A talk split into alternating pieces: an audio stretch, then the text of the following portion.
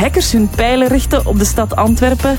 Heel veel dingen die zijn nog altijd niet mogelijk. Hè. Denk maar aan het melden van sluikstort, een afspraak maken voor het recyclagepark, maar ook vergunningen aanvragen via het e-loket. Dat kan nog altijd niet. En de Partij Groen die wil nu dat daar beter gecommuniceerd over wordt, over die gevolgen van die hacking, die vermoedelijk nog weken zullen aanslepen. En ze vragen zich ook af of de stad nu wel goed genoeg voorbereid was op zo'n aanval. Niel Staats, uh, gemeenteraadslid voor Groen in Antwerpen. Goedemorgen, Niel. Goedemorgen. Ja, duurt het allemaal wat te lang voor jullie? Ja, we zijn dag 7 hè, van een uh, serieuze hacking met heel veel impact op heel veel stedelijke diensten.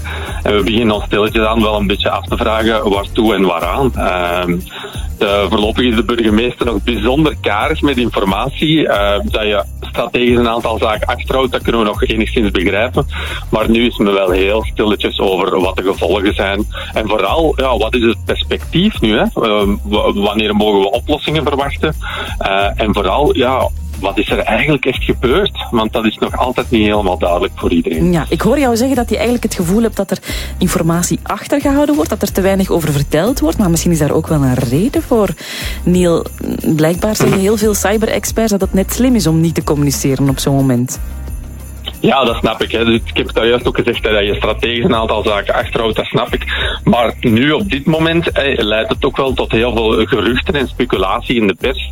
Hè. Bijvoorbeeld vorige week uh, was er discussie over dat er gegevens gelekt zijn, bijvoorbeeld van burgers of niet.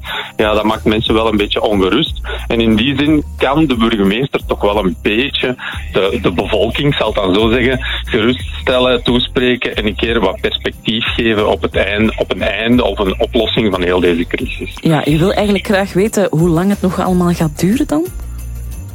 Ja, onder andere. Maar ja, dat, als het lang duurt, dan duurt het lang. Maar dan weten we tenminste. Op dit moment is het echt gewoon, uh, hebben we te raden naar. Ook de raadsleden zelf van de gemeenteraad hebben op dit moment geen enkele ja, zicht op wat er juist aan het gebeuren is achter de schermen. Mm -hmm. En de impact, hè, zoals je zei, is heel groot. Hè, van kinderopvang tot zwembaden, van bibliotheken tot parkeerborden. Het zijn allemaal zaken die de dagdagelijkse ja, levens van iedereen in onze stad toch serieus treft. Dus ik denk dat, denk dat het tijd wordt stilletjes aan voor een, voor een persconferentie of zo, om, uh, om toch wat duiding te geven. Ja, jullie vragen jullie ook af of de stad nu goed genoeg voorbereid was op zo'n aanval. Ja, kan dat nog eigenlijk wel in deze tijden, Niel? Want is dat nog mogelijk om zoiets tegen te gaan, denk ik dan?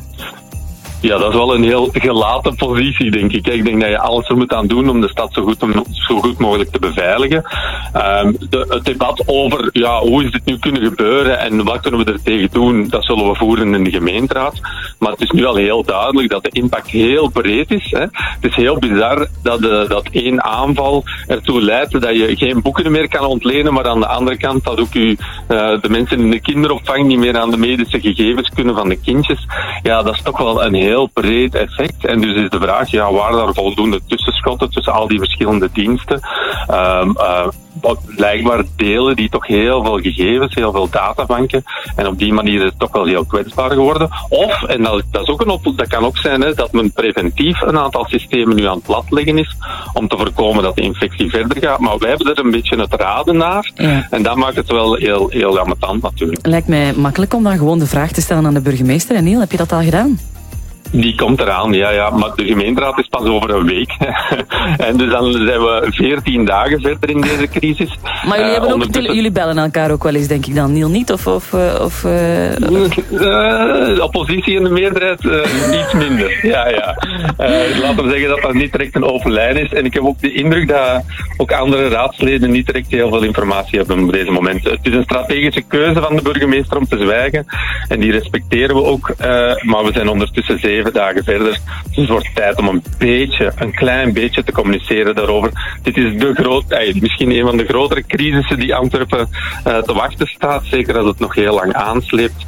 En dus denk ik dat het ook de, de taak is van een burgervader om zijn burgers een beetje gerust te stellen en perspectief te geven. Ja, geen twee weken wachten, Niel. Gewoon eens samen een pint gaan pakken op café. Moeilijk kan dat niet zijn, denk ik dan. Goed. Ik, ik, zou zeggen, ik zou zeggen, ik stuur hem een mailtje, maar ik kan hem niet mailen. Dus dat is echt een gigantisch probleem op dit moment. Allee, goed, bij deze uh, dankjewel om dat even toe te lichten. Niels Staes, gemeenteraadslid voor Groen in Antwerpen. En hopelijk komt er snel een oplossing voor al die problemen. Want ja, het blijft wel ongemakkelijk natuurlijk voor iedereen die met de gevolgen zit. Dit is Axel